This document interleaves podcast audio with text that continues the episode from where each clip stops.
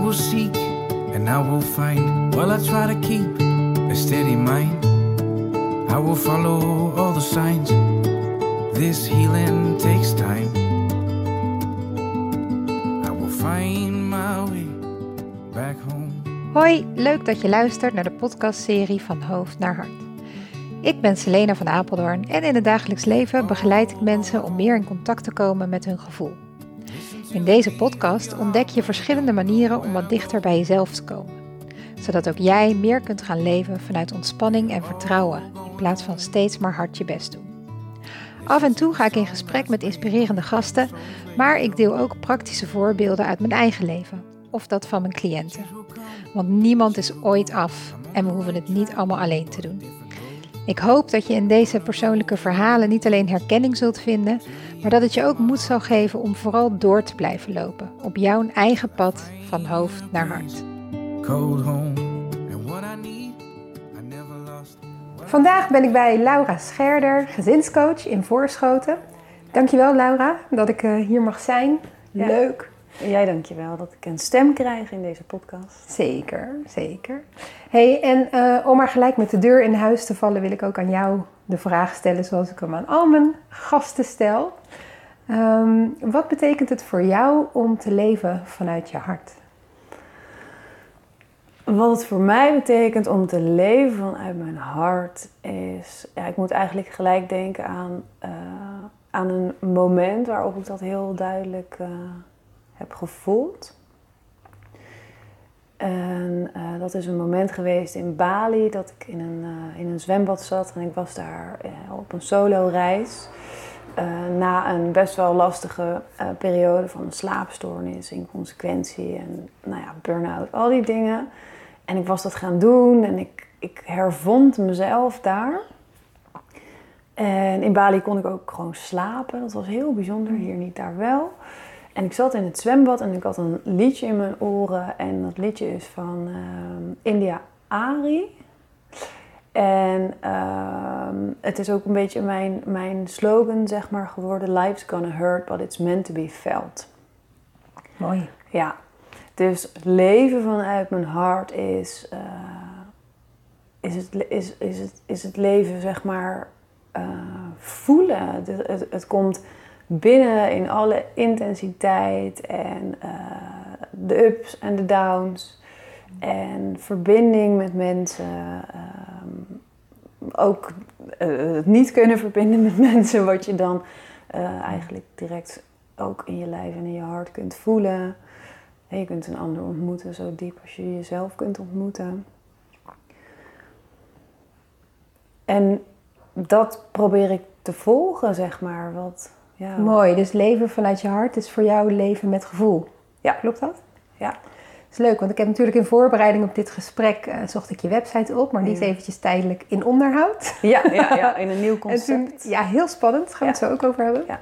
En toen vond ik je LinkedIn profiel en daar staat deze zin. Ik lees me even voor. Voelen is misschien wel het belangrijkste dat je moet kunnen om een gelukkig leven te kunnen creëren. Ja. Ja. Hoe bedoel je? Nou, ik geloof dat als je je leven bedenkt vanuit je hoofd, dus als je bedenkt hoe het eruit zou moeten zien, hè, je hebt misschien een beeld van wat voor huis je zou willen wonen, of wat voor auto je wil rijden, of wat voor relatie of gezinssituatie je zou willen hebben. Ehm, ik geloof dat je dat kunt creëren en dat je daar ook best echt wel een prima leven in kunt hebben. En dat me- mensen daar ook wel geluk in kunnen ervaren. Ehm, maar wat je ook heel vaak hoort, is dat mensen daarin. ehm, ja, is dit het nou? Is dit wel wat ik echt wil doen? Is dit nou wel wat echt bij me past? Brengt dit me nou echt? Ja, ik, ik noem dat die bubbeltjes in mijn buik altijd. Een soort ontevredenheid, bedoel je dat? Een- Nou, bubbeltjes in mijn buik, dat is juist zeg maar, hoe, dat, dat, die magische levensenergie van wauw, het leven wat ik heb en wat ik nu doe, dit gesprek of deze sessie of deze ontmoeting of deze activiteit, dat resoneert en dat laat me overal leven voelen. Ehm, ik geloof echt dat dat geluk brengt. Hmm. Dus eh, soms zijn mensen bij een gevoel vandaan, hè, vanuit hun jeugd of, of ontwikkeltrauma of, eh, of ander trauma. En Ehm, maar, en, en daardoor kunnen ze minder goed voelen wat bij hen past.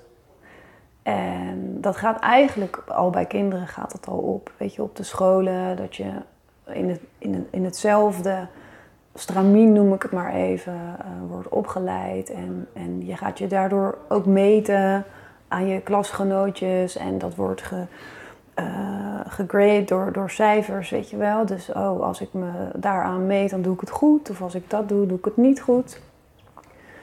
Dus je, dus je wordt een soort van extern in je hoofd gebracht, is mijn mening. En um, ik geloof echt dat als je voelt, in je, wat, voelt het nou fijn in je buik? Dat vraag ik ook heel vaak aan kinderen. Voel je je nou, voelt het fijn in je buik? Voel je je boos in je buik? Voel je je verdrietig of blij?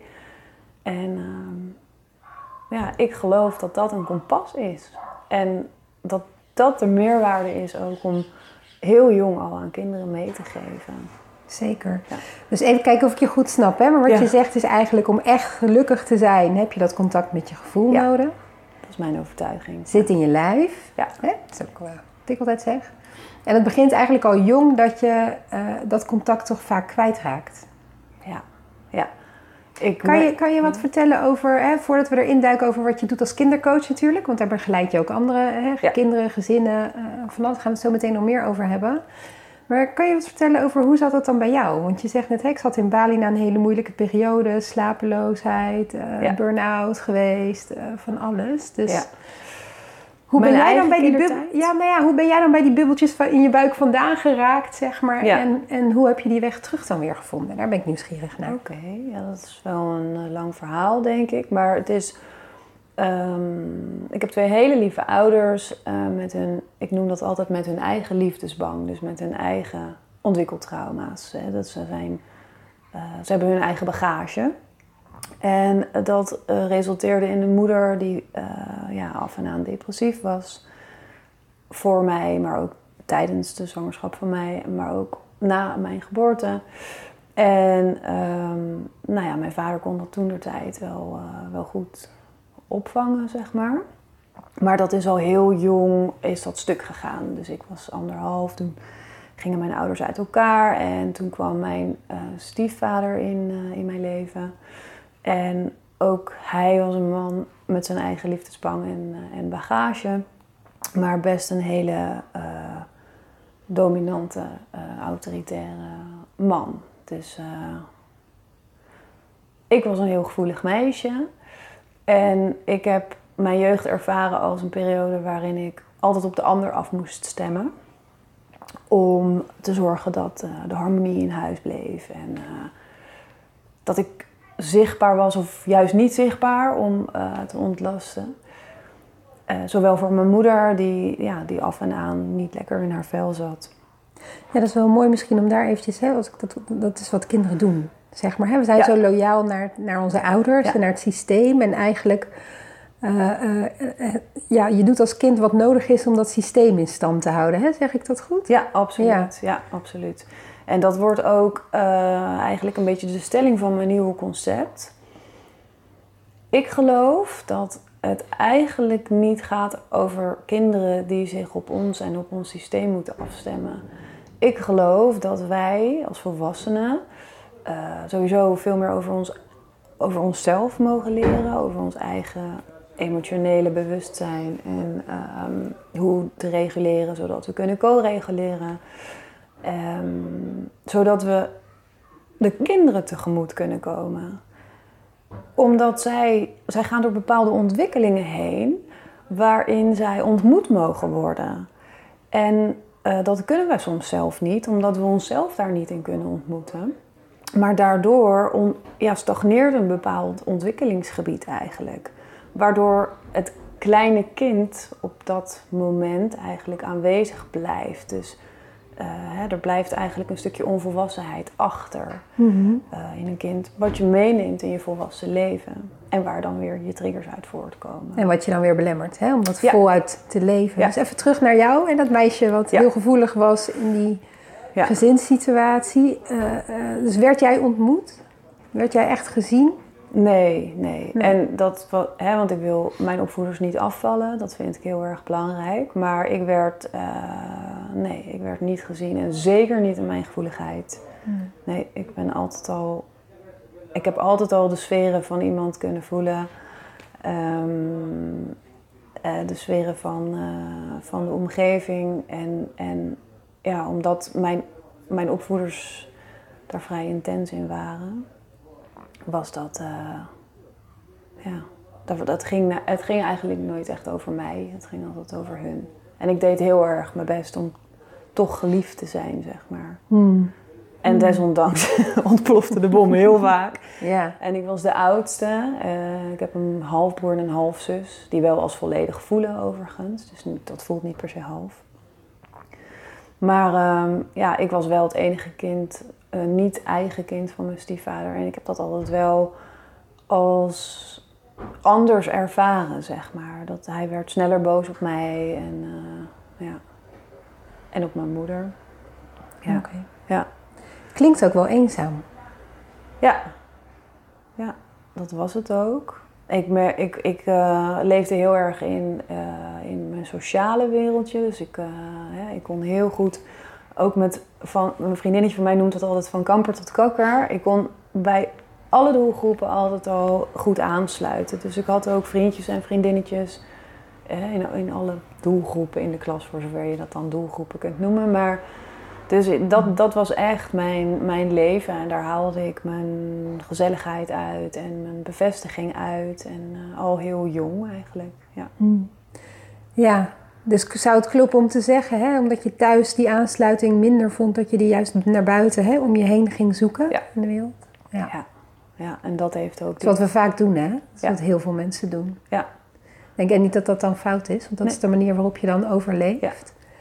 Maar het haalt je wel weg bij jezelf. Ja. Herken je dat? Ja, ja. Ik, ehm, even kijken, toen ik opgroeide, ik werd ouder en toen ik een jaar of eh 13 was, toen eh, 13, 14 denk ik, toen gingen mijn moeder en mijn stiefvader uit elkaar. En eh, dat ging ook met heel veel ruzies gepaard. En toen ben ik bij mijn vader gaan wonen en bij, zijn, bij mijn stiefmoeder eigenlijk. Eh, waar het wel heel warm was, maar waar alcohol een grote rol speelde. Hmm. Dus ook daar was ik veel eh, alleen. En ja, wat ik deed is vanaf het moment dat ik kon gaan drinken, eh, ging ik alcohol drinken. Ik heb ook veel drugs gebruikt Hmm. om maar niet, om maar bij mezelf vandaan te zijn eigenlijk. En Hmm. ja, ik heb, ik heb pas, ik denk eigenlijk door die slaapstoornis, pas daarna ben ik pas echt gaan leren, maar wie ben ik nu eigenlijk? Ja, want was dat dan, hè? Ja. Dus, dus wat was dan het moment waarop je echt in jezelf kon voelen, ja, maar nu gaat het, nu moet het echt anders, hè? Of nu wil ik het echt anders. Ja, Wat was daar de aanleiding? Of de, wat gebeurde er dan? Ehm, nou ja, het feit dat ik, dat ik niet meer kon slapen en ook niet meer kon, kon ontspannen, dat eh, heeft natuurlijk voor heel veel stress gezorgd, maar ook dat ik, dat ik me ging laten coachen, intensiever en ehm, dat ik echt op onderzoek ging. En, en Mm. mijn coach omschreef het toen ook van eigenlijk kun je jezelf nu zien als een heel klein pasgeboren babytje waar je voor mag gaan zorgen. En wat heeft, wat heeft dat babytje nou eigenlijk nodig? Weet je, op dit moment heeft ze heel veel rust nodig, want je kunt geen prikkels verdragen. Maar ze heeft ook dingen nodig waar je blij van wordt. Ze heeft gezonde voeding nodig, eh, buiten zijn, bewegen. En met dat alles met mate. En ik, dat, dus ik moest helemaal opnieuw gaan afstemmen. Oké, wat vind ik dan eigenlijk fijn? En waar, waar haal ik dan eigenlijk plezier Mm, uit? En waar vind ja. ik dan eigenlijk ontspanning? En eh, ja, welke mensen krijg ik energie van? Welke niet? En hoe heb je dat dan gedaan, dat afstemmen? Op mezelf? Mhm. Ehm, dat is echt stapje voor stapje gegaan. Sowieso ehm, kwam ik bij mijn coach en die zei: eh, Oké, als je hierover vertelt, waar voel je dat dan in je lijf? En ik dacht: eh, huh? Wat vraag jij nou? nou, dat is meer een verhaal in mijn hoofd of zo. En dat voelt wel een soort van naar, maar waar dat dan in mijn lijf is, dat, Ja. dat kon ik niet duiden. Mhm. En eh, met haar ben ik aan de hand van EMDR en, en elke keer dat zij mij terugbracht van oké, en waar zit dat dan nu? Wijs alleen maar de plek aan. Of, Ja. Weet je, eh, met hele kleine Mhm. stapjes eh, ben ik teruggegaan. Maar via dat lijf, hè? Via dat lijf. Dat is zo, Ja. dat is de sleutel. Ja. Ja. ja, absoluut. Dat is waar we voelen. Hè? Ja. Dus als het hebt over weer het contact met je gevoel, afstemmen op hoe voelt dit. Ja. Wat zijn mijn eigenlijke behoeftes ook? Hè? Dus wat Ja. heb ik nou eigenlijk, waar heb ik eigenlijk behoefte aan? Wat heb ik nou nodig? En niet bedacht, Ja, maar omdat je in je lichaam kan voelen ja, wat wel en niet fijn is. ja, Dat hè? Ja. Toch? ja, precies. Ja. Spot on. Mooi. Ja, ja. En toen? En toen, ja, ehm, nou, wat voor mij de, sowieso de start van die spirituele reis, ik noem het ook echt een spirituele reis, dat contact hervinden met mezelf en met mijn gevoel. Eh, daarin leerde ik eigenlijk die, die lekkere bubbeltjes in mijn buik pas Hmm. kennen. Van, eh, hè, ik kreeg eh, andere vriendschappen, of de vriendschappen die ik had veranderden, die kregen meer verdieping. En ehm, ja, dat was een mooie. Als je me echt zou kennen, dat is een zin die komt uit eh, de Be the Change workshops, waar ik ook Mhm. aan mee heb gedaan. En als je dat kunt gaan delen, zeg maar, met mensen, van onder die, hè, onder die waterlijn, die ijsberg, wat zit er dan onder dat wat je laat zien? Ehm, dat, is, dat is veel meer op de voorgrond eh, gekomen. Dus verbindingen met andere mensen toen ik jong was, was er zo'n liedje van Marco Borsato. eh, mijn diepste gedachten deel ik met niemand. Nou, dat was heel waar voor mij. Weet Oh, je, ja. dat ik leefde mijn Ja. eigen ding. En in het sociale gebeuren was ik gewoon eh, vrolijke Laura, die lekker uitging en ging dansen en al die dingen. En s'avonds in mijn bed lag ik te huilen omdat ik zo verdrietig Hmm. was. Ja. Dus ehm, Dus dat ook, hè? die discrepantie tussen eigenlijk je gedrag, hè? dus wat je Ja. doet en wat je laat zien naar buiten en hoe jij je van binnen voelt. Ja. En ik zeg altijd maar, ja, voluit leven, echt helemaal vanuit jezelf, vanuit dat hart. Ja, dan klopt alles met elkaar. Ja. Hè? Dus dan klopt ook wat je denkt met wat je voelt, met wat je ook daadwerkelijk doet. Ja. En dat is een soort ideaalplaatje, want dat is natuurlijk nooit helemaal totaal één geheel. En, hè? Eh, maar dat is wel een kompas. Ja. Van, dat, dat Ja. het geeft je wel iets van feedback van, goh, maar klopt nou wat ik laat zien of waar ik naar handel in de buitenwereld ook met wat ik echt van binnen voel en wil en wens en verlang. ja, absoluut. Ja. Dat stukje. Ja. En dat is ook nog echt een uitdaging. Zeker als je dan in oude eh, situaties nog komt. Ja. Met je nieuwe zelf. Ja, dat En je oude pijn dan aangeraakt wordt. Hè? Ja, en je Hey, oude en, en, wat is jouw grootste obstakel op die weg? Dat is mooi, want jij noemt het een spirituele reis. Ja. Hè, dat contact met je gevoel. Ja. En voor mij is het echt juist helemaal niet spiritueel, maar heel down to earth. Omdat het gaat over voelen en in je lijf komen. Ja, dat snap ik. Ja. Snap je wat We ik bedoel? bedoelen hetzelfde. Ja, dat weet ik. Maar de woorden, Ja. hè, ook voor de luisteraars. Ja. Dus ik vind het juist, gronding is bij mij een kernbegrip. Dus En we beginnen eigenlijk altijd om in dat lijf aan te komen met beide voetjes op de grond. Zodat je kan gaan voelen. Want om, de spiritual bypass noem ik dat altijd maar een beetje te vermijden. Want ik ken heel veel mensen, en heb ik ook veel om me heen gezien en meegemaakt. Die in het spirituele of in het zoeken naar jezelf kan je je behoorlijk jezelf kwijtraken, zeg maar. Dan blijft het heel zweverig en heel abstract en heel theoretisch. En ook weer vanuit dat hoofd. Ja. Maar om werkelijk te voelen en om te leren leven vanuit dat hart, you need to get down, Ja. zeg maar. Hè? Dus Ja. mag je echt eh, eh, dat lichamelijke gaan ervaren. En dat kan ook best wel heel erg spannend zijn. Ja, absoluut. Die kwam even in me op, omdat je net zei van, oh ja, spirituele, hè? Ja. de spirituele reis. Ja. Maar wat, wat, wat is voor jou op dat pad dan, hè, laat het even je pad noemen. Nee. je grootste obstakel geweest? Of nog steeds misschien? Ja, nog steeds wel Mhm. hoor. Eh, nou, eigenlijk sluit dat wel aan ook bij wat je net noemt. Dus eh, er is heel veel kennis en hè, coachingstrajecten geweest. En ehm, daarin stop je heel veel in je hoofd in eerste instantie. En dat alignt dan wel op, met, op momenten met die bubbeltjes in mijn lijf. Dus er is een, hè, er is een connectie. Maar als ik, als ik dingen aan de hand heb, dan is nog steeds wel ploep, dat ik uit mijn lijf kan schieten en eh, in dat hoofd kan verdwijnen. Van wat heb ik nou allemaal geleerd? Hoe kan ik dat nou toepassen? Eh, waarom kan ik hier nu niet goed uitkomen? Oh ja. Ja, dus dat is voor mij nog steeds een obstakel. En de slogan van mijn bedrijf is ook Life is meant to be felt. Het heet ook Feel. En ehm, dus, dus, dus iedere keer weer ja, dat, dat, dat embodiment. Terug Ja. naar je lijf. En, en waar voel je dat dan? En, en eigenlijk, soms is het zo simpel als er gewoon bij aanwezig kunnen zijn en je handen erop leggen.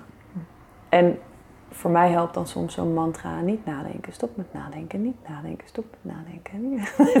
Oh ja. Ja. Oh, en, Ja. als je, en, en grappig. En als je dat zegt, dan denk ik gelijk van ja, maar dat is weer een lat. Of zo, dan mag je ook niet nadenken. Snap je wel? Terwijl Ja. als je. Ja. eh, maar dat is meer vanuit de mindfulness ook. Hè? Als je gewoon gewaar kan zijn dat je iets voelt. Ja. Dat die gedachten er ook zijn. En Ja. dat allemaal zonder oordeel. Ja. Dus het zonder oordeelstukje. Ja. Hè, dat is, maar dat is voor mij persoonlijk heel belangrijk. Ja. Die kritische stem die er altijd ergens achter zit. Van ja, maar nee, dat moet je beter doen. Hè? Dit moet wel goed. Ja. Of eh, hè? ja, herken je die ook wel? Ja. Ja? ja, ja. Heb jij iets van zo'n eh, kritische stem? Ja, ik noem haar Kwetterbekkie. Een gezellige naam. Ja, ik heb haar ook eh, gekleid, zeg maar. En ja, zij is, zij, is een, zij is de stem die in mijn hoofd tettert dat ik het niet goed doe, dat ik het Mhm. niet waard ben, dat het anders moet, dat ik het toch wel zou moeten weten. Nu ik al die dingen heb geleerd Ja. en al die coaching ja, al heb gedaan en dat ik toch eigenlijk zelf niet meer in dat soort stukken Ja. zou mogen zitten. Ja. Ah. Terwijl ik geloof dat dat nooit ophoudt. Nee. Nee. En hoe ga je met haar om? Met Kwetterbekkie? Ehm, dat is mooi. Daar had ik het nog eh, met een vriendin en een collega coach ook over. Wat voor mij nou die weg daaruit is, is ehm, het in verbinding brengen. eh, met eh, iemand die voor mij heel veilig is. En dat, dat is zij. En dat, dan, dan, dat ook alles er dan mag zijn. Dus ook de hele enorme slachtofferrol en ja, slachtoffermodus. En dat ik echt even alles ongenuanceerd mag, mag eh, ventileren. En als het er in contact met haar mag zijn, dan word ik zacht. Want dan, dan, is het, dan mag het er ook in contact met mezelf zijn. Dat is voor mij echt een weg eruit. Dus het ook toestemming geven om er te zijn. Is dat Ja. wat je zegt? Ja. Hmm. Absoluut. Mooi. Ja. Ja. Heb je een praktisch, ik zit even te denken, hè, maar heb je een praktisch voorbeeld van iets recents, van hoe je dat dan aanvliegt of wat je hebt ervaren? Ehm, even denken. Een praktisch voorbeeld. Mm, ja, ik, ik zit te denken, er is een praktisch voorbeeld geweest afgelopen week, maar dat had een onderwerp wat ik eh, liever, dat is heel intiem en privé, dus dat houd ik liever nu eh, voor mezelf. Ehm, Misschien met het opzetten van je praktijk, hè? want je bent een andere weg in aan het slaan, ja, toch? ja. En wat kom je, daar- kom je daar iets in tegen? Eh, ja. ja, eigenlijk bij ieder nieuw coachtraject merk ik als gezinnen me nu benaderen. In het verleden was ik kindercoach. Dus dat deed ik ook echt onder die noemer. En dan eh, brachten de ouders hun kind bij mij en dan, dan ging ik met het kind aan de slag. Alleen ik merkte dat dat niet genoeg was. Dus dat het echt in het systeem, in zo'n gezin zit. En ook in de overlevingspatronen van de ouders en hun ouders. En de scholen en de juffen en, en het hele systeem eromheen. Ja. Eh, dus sommige coachtra- co- coachtrajecten liepen eh, vast. Hmm. En ehm, nou, daar gaat Kwetterbecky dan wel echt heel erg van aan. Hè, ik doe het niet goed. Want dat ligt dan aan jou. Ja. Jij faalt gewoon. Ja. Is dat hem Ja. ongeveer? Ja, Mhm. Ja, ik faal. Ja, ja. En eh, nu, als ik met mensen in zee ga, dan ehm, leg ik heel duidelijk mijn concept uit. Dus ik, ik leg ook aan ouders uit van het zou kunnen dat je met je eigen kinderstukken aan de slag moet. Of eigenlijk meer waarschijnlijk ga je met je eigen Eh, ja. kinderstukken aan de slag moeten, toch? Ja, ja, ja, ja, dat is inderdaad. Ga er maar Nog vanuit dat jij ook aan de bak moet. Inderdaad, ja. dat die is nog helderder. Ja. Ja. ja. En, eh, maar ik- ja, ook een, eh, een, een juf heb ik wel eens, niet bedoeld natuurlijk, maar echt emotioneel ge- gekregen. Hmm. Of nou niet gekregen, maar gemaakt per ongeluk. Van ja, dit is wat ik, dit is de hulpvraag vanuit het gezin. En dit is wat ik zie in de dynamiek tussen jou en het kind. En, en ah, want ik wil jou ook niet kwetsen, maar dit is wat ik zie en wat het jongetje zou kunnen helpen, zeg maar. En dat is, uh, maar goed. Dus, dus waar ik dan, uh, waar ik tegenaan loop in mezelf is um, ieder coachtraject opnieuw. Het heeft echt weer een andere invalshoek. Dus iedere keer denk ik weer, oh jee, kan ik dit wel? En wat ik merk, omdat in mijn jeugd heb ik geleerd, zeg maar, dat oriënteren op de ander. Dus ik voel die systemen en die energieën en die overlevingsrollen. Ik voel ze ook heel goed. Mhm. Maar het gevaar is dat ik het uh, in eerste instantie op mezelf kan gaan betrekken. Dus bijvoorbeeld als ik bij een moeder niet echt hè, er doorheen kom, dan, dan de eerste gedachte is: ik kan dit niet. Ik kom er niet doorheen bij die moeder. Oh ja, jij komt er dan ik kom er niet doorheen bij die moeder, ja. En dan na een stukje... Het is een neiging om te gaan werken, om daar wel doorheen te komen. Ja, Mhm. ja, ja. ja. En, Herkenbaar hoor. Ja, ja. ja. Mhm. ja. ik ben ook echt heel benieuwd naar Ja. jouw stukken hierover. En eh, daar ga ik zo ook nog wel naar vragen. Ehm, maar wat ik dan dus na een stukje intervisie kom ik er dan dus eigenlijk achter. Maar dat waar ik tegenaan loop in contact met die moeder, dat is waar het Dat is precies het hele probleem. Ja, tuurlijk. En dan moet ik daar even zo doorheen. En dan, boef, Ja. dan gaat ineens dat traject Ja. in een stroomversnelling. En dan ben ik er weer. Maar mijn grootste obstakel is altijd gelijk pop, uit mijn eigen kracht. Oh jee, ik doe dit niet goed. En hoe kom je dan weer terug? Eh, ja, toch een stukje intervisie. Dus even eh, sparren met iemand en gaandeweg, weet je, als ik meer meters maak, dan ga ik ook meer op die stevigheid vertrouwen en op mijn eigen gevoel vertrouwen. En nu zie ik van, oh, Hm.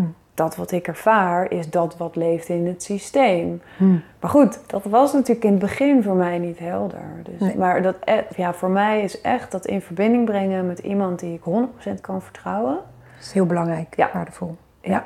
En gelukkig heb ik die mensen in mijn leven. Ja, fijn. Nee, het Ja. kan ook ontzettend ondersteunend zijn. En ik doe het zelf ook af en toe. En ik heb daarom ook zo'n verdiepingsgroep hè, voor mensen die bij mij klaar zijn. Omdat je gewoon, je blijft altijd dingen tegenkomen. En Ja. je blijft altijd leren. Ja. Dus het kan heel fijn zijn om één keer in de maand is dat dan. En dan kunnen ze terugkomen en dan eh, hebben we het erover van nou, waar ben je tegenaan gelopen en, en wat heeft dat nodig, zeg maar. Dus ook, ik denk dat hele idee van dat we altijd alles maar alleen moeten doen of zo. Hè, dat is ook Zo. zo'n overleving. Ja, absoluut. Dat dat dus niet hoeft. Ja. Hè, en zeker als je de eenzaamheid kent. Hè, als, je, als je kent dat je altijd alles alleen hebt moeten doen, dan Ja. is dat heel erg de neiging. Ja. Hè, van nou, dan doe ik het wel zelf. Ja. Ja. Want dat is veilig. Ja. Eh, en het is zo fijn om daaruit te stappen en om uit te reiken. En om, hè, precies wat je zegt, het wel in verbinding te brengen met een ander. Want ik ben er wel van overtuigd dat we daar allemaal zo'n diepe behoefte aan hebben. Ja. En we blijven sociale dieren. Ja. ja, ik geloof dat het de natuur van de mens is. Absoluut. Ja. We hebben elkaar daar echt in nodig. Ja. Want zou ik jou een vraag mogen stellen hierover? Tuurlijk. Ehm, als mensen nou inderdaad die weg hebben gevonden, dus eh, hè, ze zijn eh, in contact terug met hun eigen gevoel en eigenlijk wat ik, wat ik dan net ook aangeef waar ik dan tegenaan loop. En dan heb jij de verdieping van en dan, dus dan, hè, dan in contact nog met de ander. Wat is jouw, eh, wat zijn jouw tips om, om jezelf zo te verstevigen dat dat, dat dat contact met de ander dan, dat je bij jezelf kunt blijven? Mooie vraag. Thanks. Eh, ja, nou ja, dat begint bij het contact met jezelf. En dat klinkt heel cliché en kort door de bocht. Hè? Maar stel, iemand heeft, zoals jij ook wel, hè, die, die kent die weg inmiddels wel naar binnen. Mhm. hè? Dus je kan voelen, je voelt je lichaam, je kan benoemen wat daar gebeurt. Ehm, maar wat er vaak gebeurt als je dat dan inderdaad naar een ander toe moet doen, dus bijvoorbeeld naar die partner of maar naar die baas of naar de collega, Ja. dan is dat zoveel lastiger. Hè? Want dan, dan wordt het zoveel spannender Mhm. om echt te zijn en om, om jezelf dus te laten zien eigenlijk, om tevoorschijn te komen. Ja. Dat bedoel je, hè? Dus Ja, hoe, en hoe doe je dat dan? Ja, dat bedoel ik. Maar ook, eh, tenminste als ik dan vanuit mezelf... Hè, dan dat bijvoorbeeld eh, als ik eh, thuis op de bank zit... Dan, dan voel ik me bof, stevig, helemaal in het midden. En dan denk ik, dit is mijn geloof, mijn overtuiging, mijn gevoel. En dan eh, kom ik in gesprek met iemand. Ik ben ook de hele tijd aan het opletten dat ik niemand eh, eh, voor zijn neus stoot, zeg maar. met concrete voorbeelden. Maar ehm, dan kom ik in gesprek met iemand en dan, dan omdat vanuit mijn jeugd, zeg maar, die neiging om de focus naar de ander te hebben. Oh ja. Omdat die zo sterk is, dan, dan voel ik hem zo, hoeps, Hm. op haar. En dan denk ik, oh nee, nee, nee, nee, nee, nee, hier blijven, weet je wel? En hoe dan? Oh, maar daar heb ik een hele mooie concrete voor. Ja. Want eventjes, hoe is dat dan in dit gesprek nu? Waar zit je vooral met je aandacht? Eh, ja, ik ben wel bij mezelf. En, eh, en ik ben ook bij jou, omdat ik het ook leuk vind om jouw verhaal te horen. Mhm. En in deze podcast te brengen. Dus, maar ik merk dat eh, de verbinding met jou voelt veilig en gelijkwaardig. En jij stelt mij vragen. Je bent nieuwsgierig naar mij, dus ik krijg ruimte. Mhm. En dan kan ik ook goed bij mezelf blijven. Maar als jij. Maar dat hangt dan af van de ander. Mhm. Hè? Dus stel nou dat ik even heel bitchy helemaal jou geen ruimte geef. Ja. Hè? Wat dan? Ja, daar, dan, dan kan Ja. ik daar ingewikkeld Of eh, heel dominant ben. Hè? Dus de, eh, is dat, dat is wel een trigger bij jou, denk Ja. ik. Ja, dominantie. Mensen heel, ja. Ja, als mensen heel veel ruimte nemen. Ja. Nou ja, een hele concrete is achteroverleunen. En voel de leuning van de stoel waar je op zit. Mooi. Want voel het verschil maar eens. En vaak zitten we, als we met onze aandacht heel erg bij de ander zijn, dan zit je ook letterlijk naar. Ja. voren. En dan zit je naar voren. Dan ben je ellebogen op tafel of met, je hele lichaamshouding gaat helemaal daar Ja. naartoe. Heel herkenbaar. Eh, dus een hele simpele, maar echt heel effectief trucje is om jezelf letterlijk vast te plakken aan de leuning van de stoel. Mooi. Of aan de leuning van de bank, om de achterkant van je lichaam te gaan voelen. Hè? Want in het lichaamswerk zeggen we ook wel eens, nou, de achterkant van je lijf dat gaat over het contact met jezelf. Ja. De voorkant van je lijf gaat over je contact met de wereld. Dus als je merkt dat je uit evenwicht bent en dat je heel veel aandacht hebt voor je omgeving en voor alles en iedereen om je heen, maar minder voor jezelf, Ja. dan kan het heel helpend zijn om eens een tijdje bewust aandacht te besteden aan de achterkant. Dus om te gaan leunen, dat is er één. Dus, dus plak jezelf vast tegen leuning van stoelen en banken en, dat soort dingen. Dus dat is één richting, is naar achter. Ja, En de andere is naar beneden, de gronding.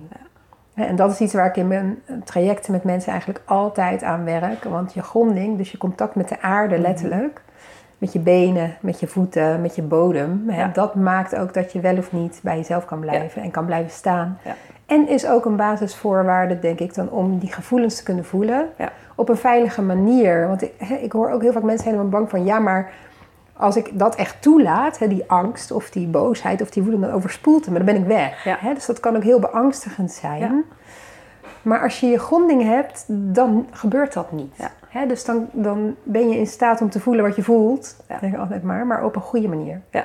Zonder dat het je overweldigt Ja. hè? of zonder dat het je meesleept. Zeg maar. Dus de andere praktische tip is, eh, eh, nou beweeg naar achter en beweeg naar beneden. Dus wrijf even over je benen. Ja. Of stamp een paar keer op de grond. Ja.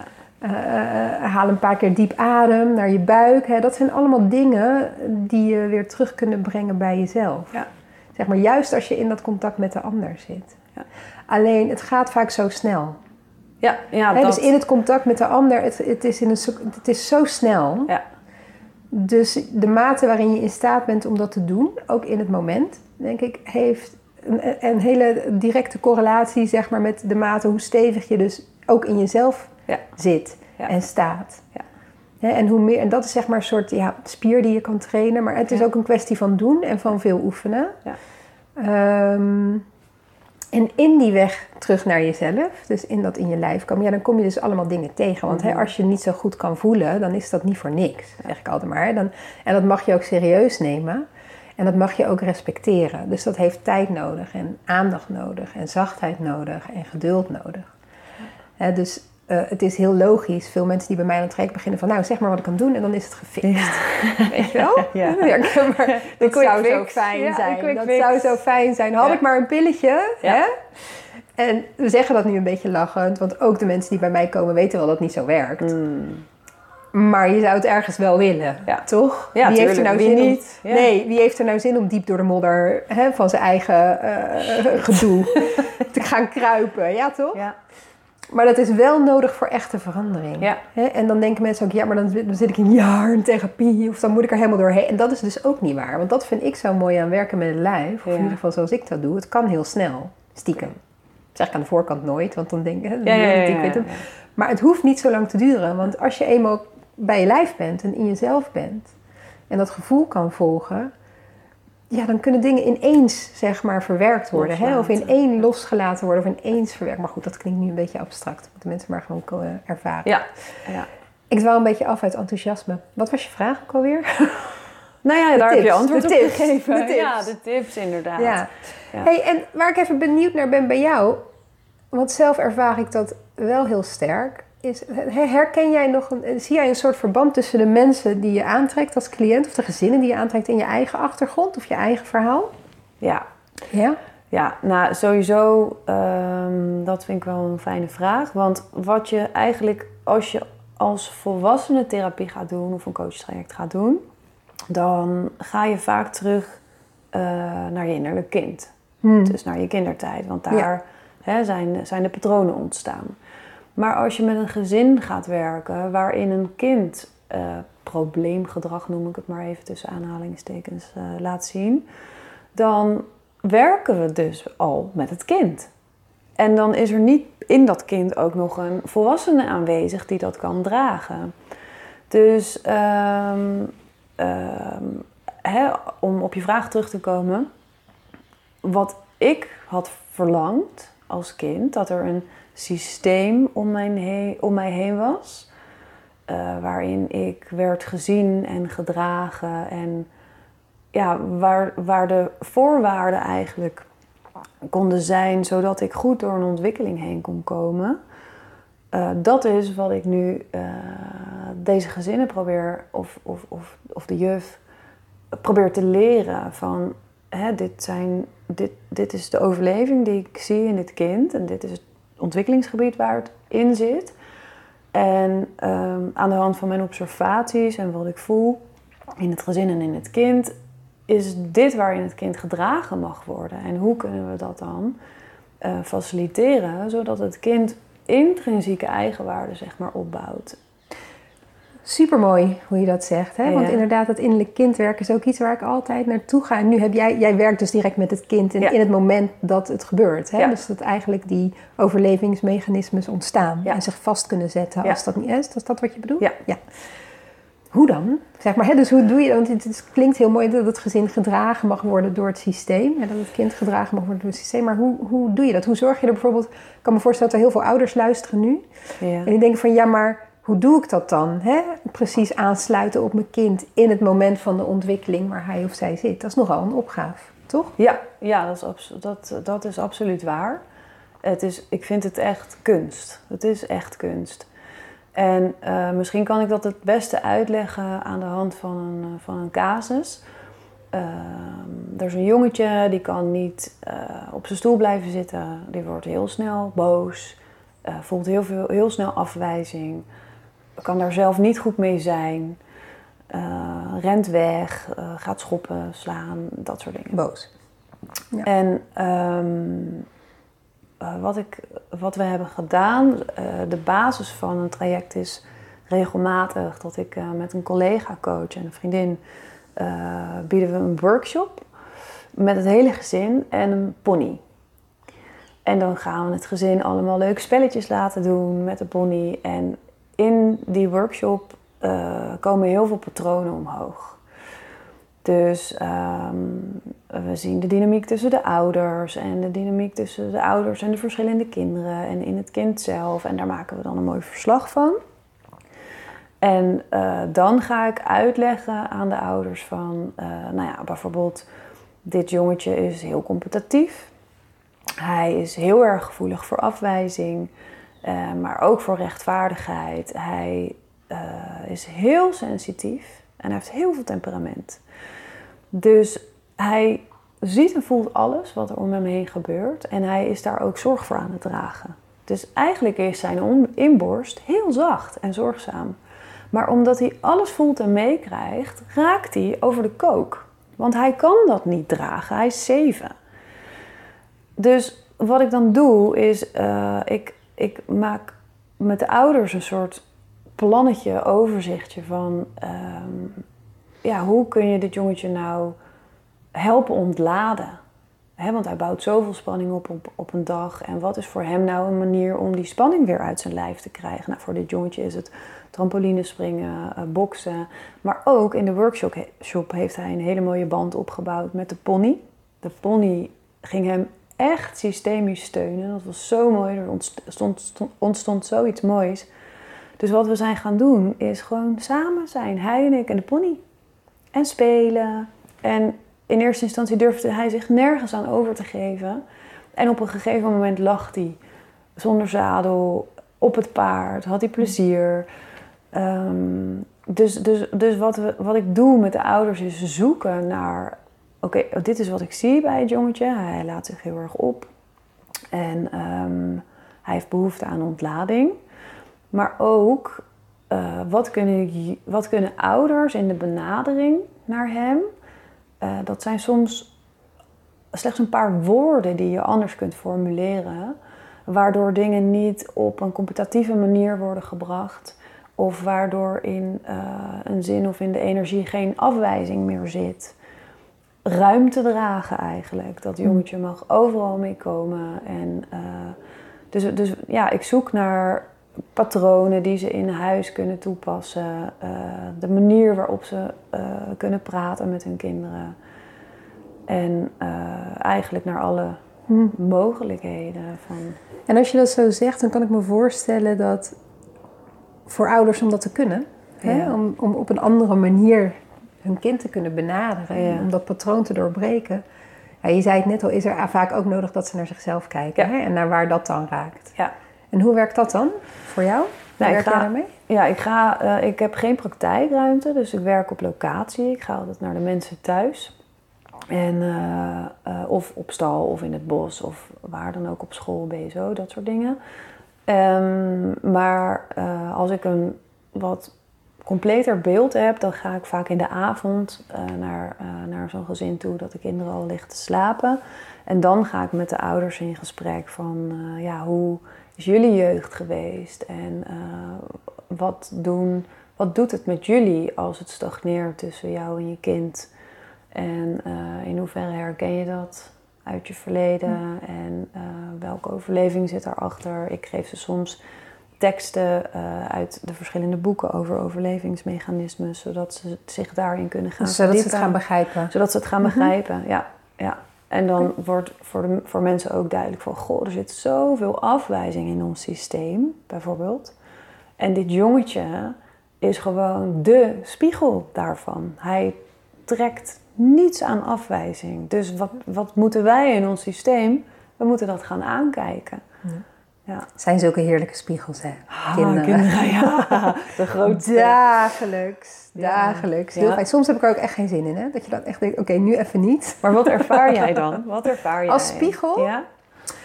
Uh, oh, van alles. Nou, ik merk dat bijvoorbeeld mijn oudste me veel meer triggert dan mijn jongste. Dat is ook leuk. En hoe komt om het dat, verschil te, Ja, precies. Om het verschil te zien uh, tussen kinderen.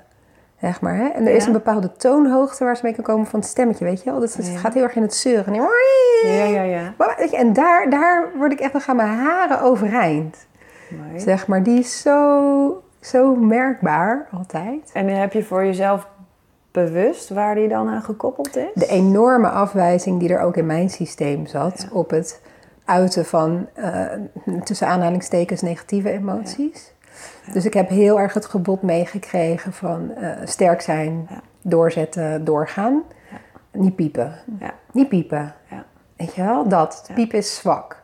En mijn opa die heeft in het verzet gezeten. Die was een van de hoogste verzetstrijders hier in Nederland. Die is ook door de nazi's gevangen, gemarteld, allerlei dingen. Dus die man die heeft heel veel trauma, draagt hij in zijn systeem. Wat hij ook weer heeft doorgegeven aan zijn kinderen. Hè? Dus, dus nou, zo. Dus het, het weggaan bij je gevoel en ook zeker de zwakke, hè, je, je zwakke gevoelens, om het maar even mhm. zo te zeggen. Hè? Dus kwetsbaar zijn is echt heel erg nat dan in mijn systeem. Dus als zij heel hè, vanuit het kind zijn heel erg die kwetsbaarheid laat zien en, bijna slachtoffer, hè, als, als mhm. volwassene label je dat als slachtoffergedrag. En zeur niet zo, maar voor een vijfjarige of zeven is ze nu is dat gewoon heel reëel en heel normaal in het moment. Weet je wel? Maar mijn hele systeem triggert erop. En ik voel de neiging om te zeggen, Jezus, kom op man. Stel je, weet je wel? Ja. Het is maar een Playmobil poppetje. Of het is maar, weet je wel? Maar lang niet altijd. Ik heb hier dus wel bewustzijn op. En ik weet ook wel wat de achtergrond is. Dus soms lukt het me om te bedenken, oh ja, wacht even. Ja, dit, dit is wat er nu in mij geraakt Ja. wordt. Dus daar ga ik weer. Dus de hardheid, er zit een soort hardheid. En die is dus te voelen in mijn lijf. Omdat Ja. ik dan voel dat de spieren van mijn gezicht verstrakken. Dat mijn armen strak gaan staan. Dat mijn kaken iets verbetens krijgen. Dus ik ga in een soort vechthouding staan. En als ik die door heb, dan ben ik ook in staat om het eerst te verzachten. Een paar keer dieper te ademen. Even te schudden met mijn handen. Ja. En te bedenken, oh ja, ze baalt nu gewoon dat haar zus met dat Playmobil poppetje wil spelen. Terwijl zij dat eigenlijk, weet je wel, het is goed. Ja, rot hè. Dus kom maar even hier. Ja.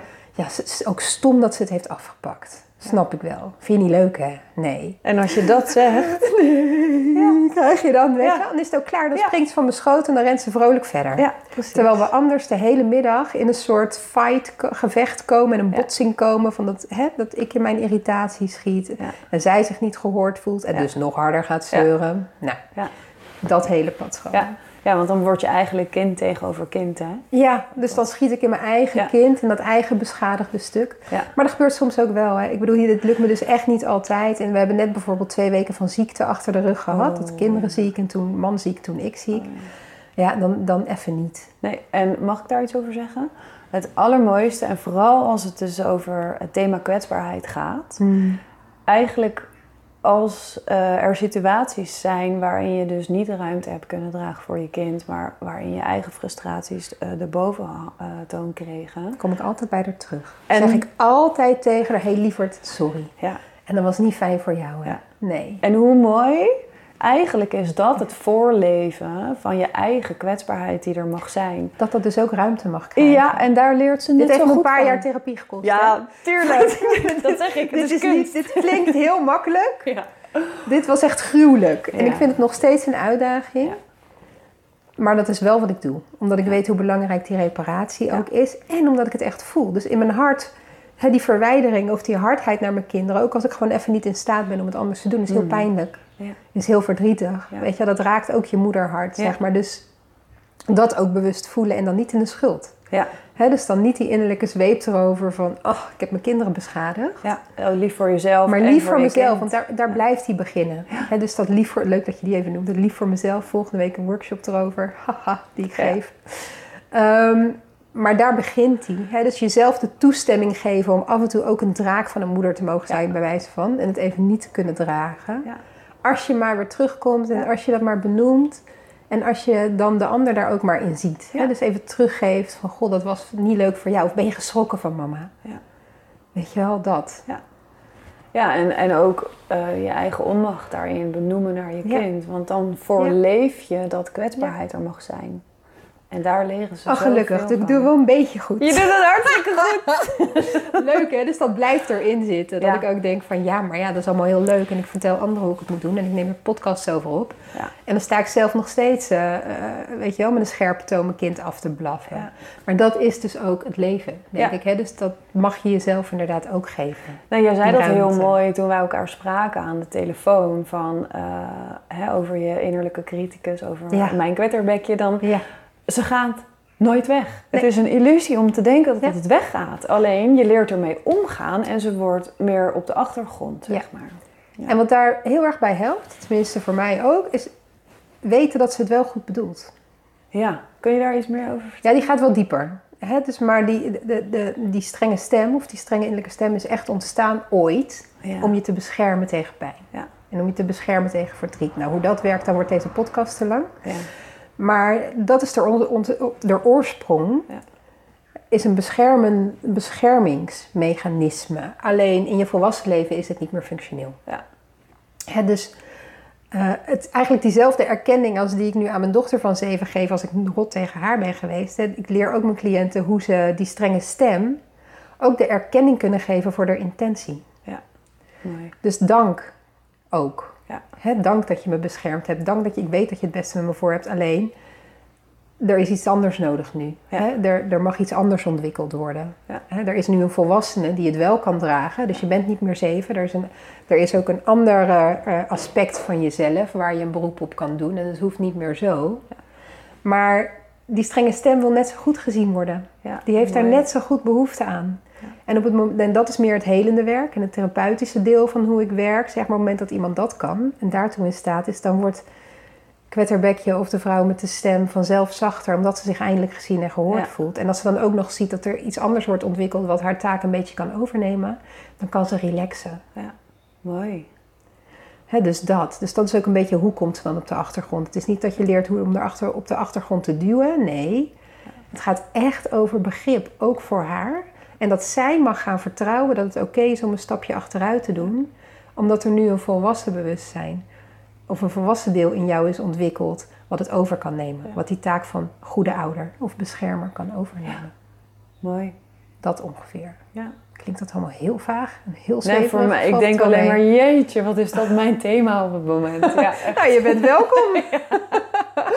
Ja. We wonen niet ver bij elkaar, want jouw praktijk zit in Voorschoten. Misschien ook nog leuk om even wat over te vertellen voor Ja. mensen die nu denken van... oh, maar er speelt ook wel echt iets met mijn kind. Of ik zou daar misschien wat mee willen doen. Want de website is dus niet helemaal Nee, die, beschikbaar nog. eh, die Dus komt hoe gaan, eraan. mensen, ja, maar hoe gaan mensen jou vinden als ze nu denken van... goh, misschien is dat iets voor ons?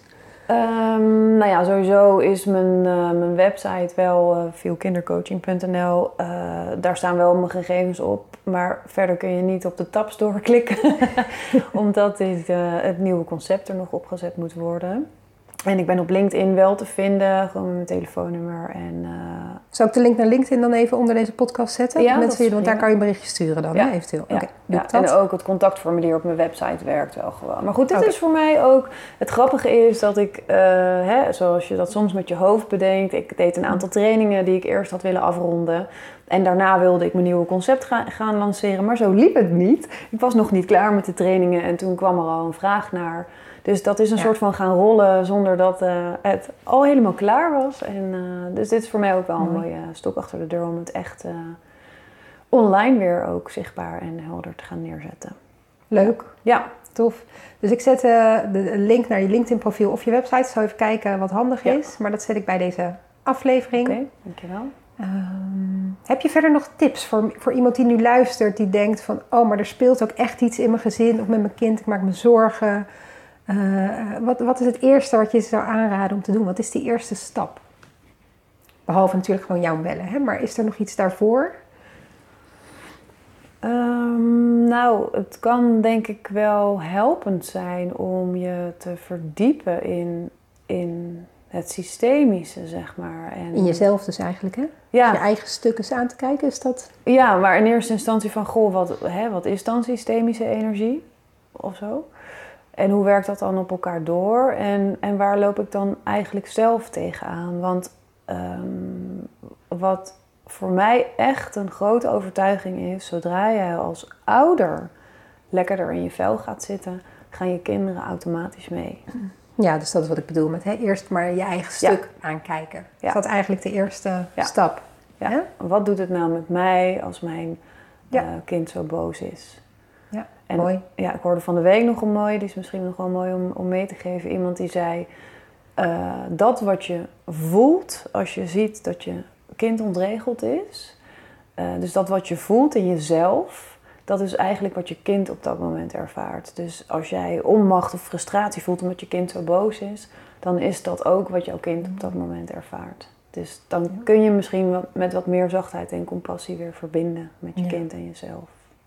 Ja, eerst met jezelf en dan met je kind. Ja. In de volgorde. Ja, ja, Ja, dus dat lief zijn voor jezelf blijft belangrijk. ja. Ja, Absoluut. oké. Dankjewel Laura voor het gesprek. Ja, dankjewel. Leuk om je te leren kennen. Wederzijds.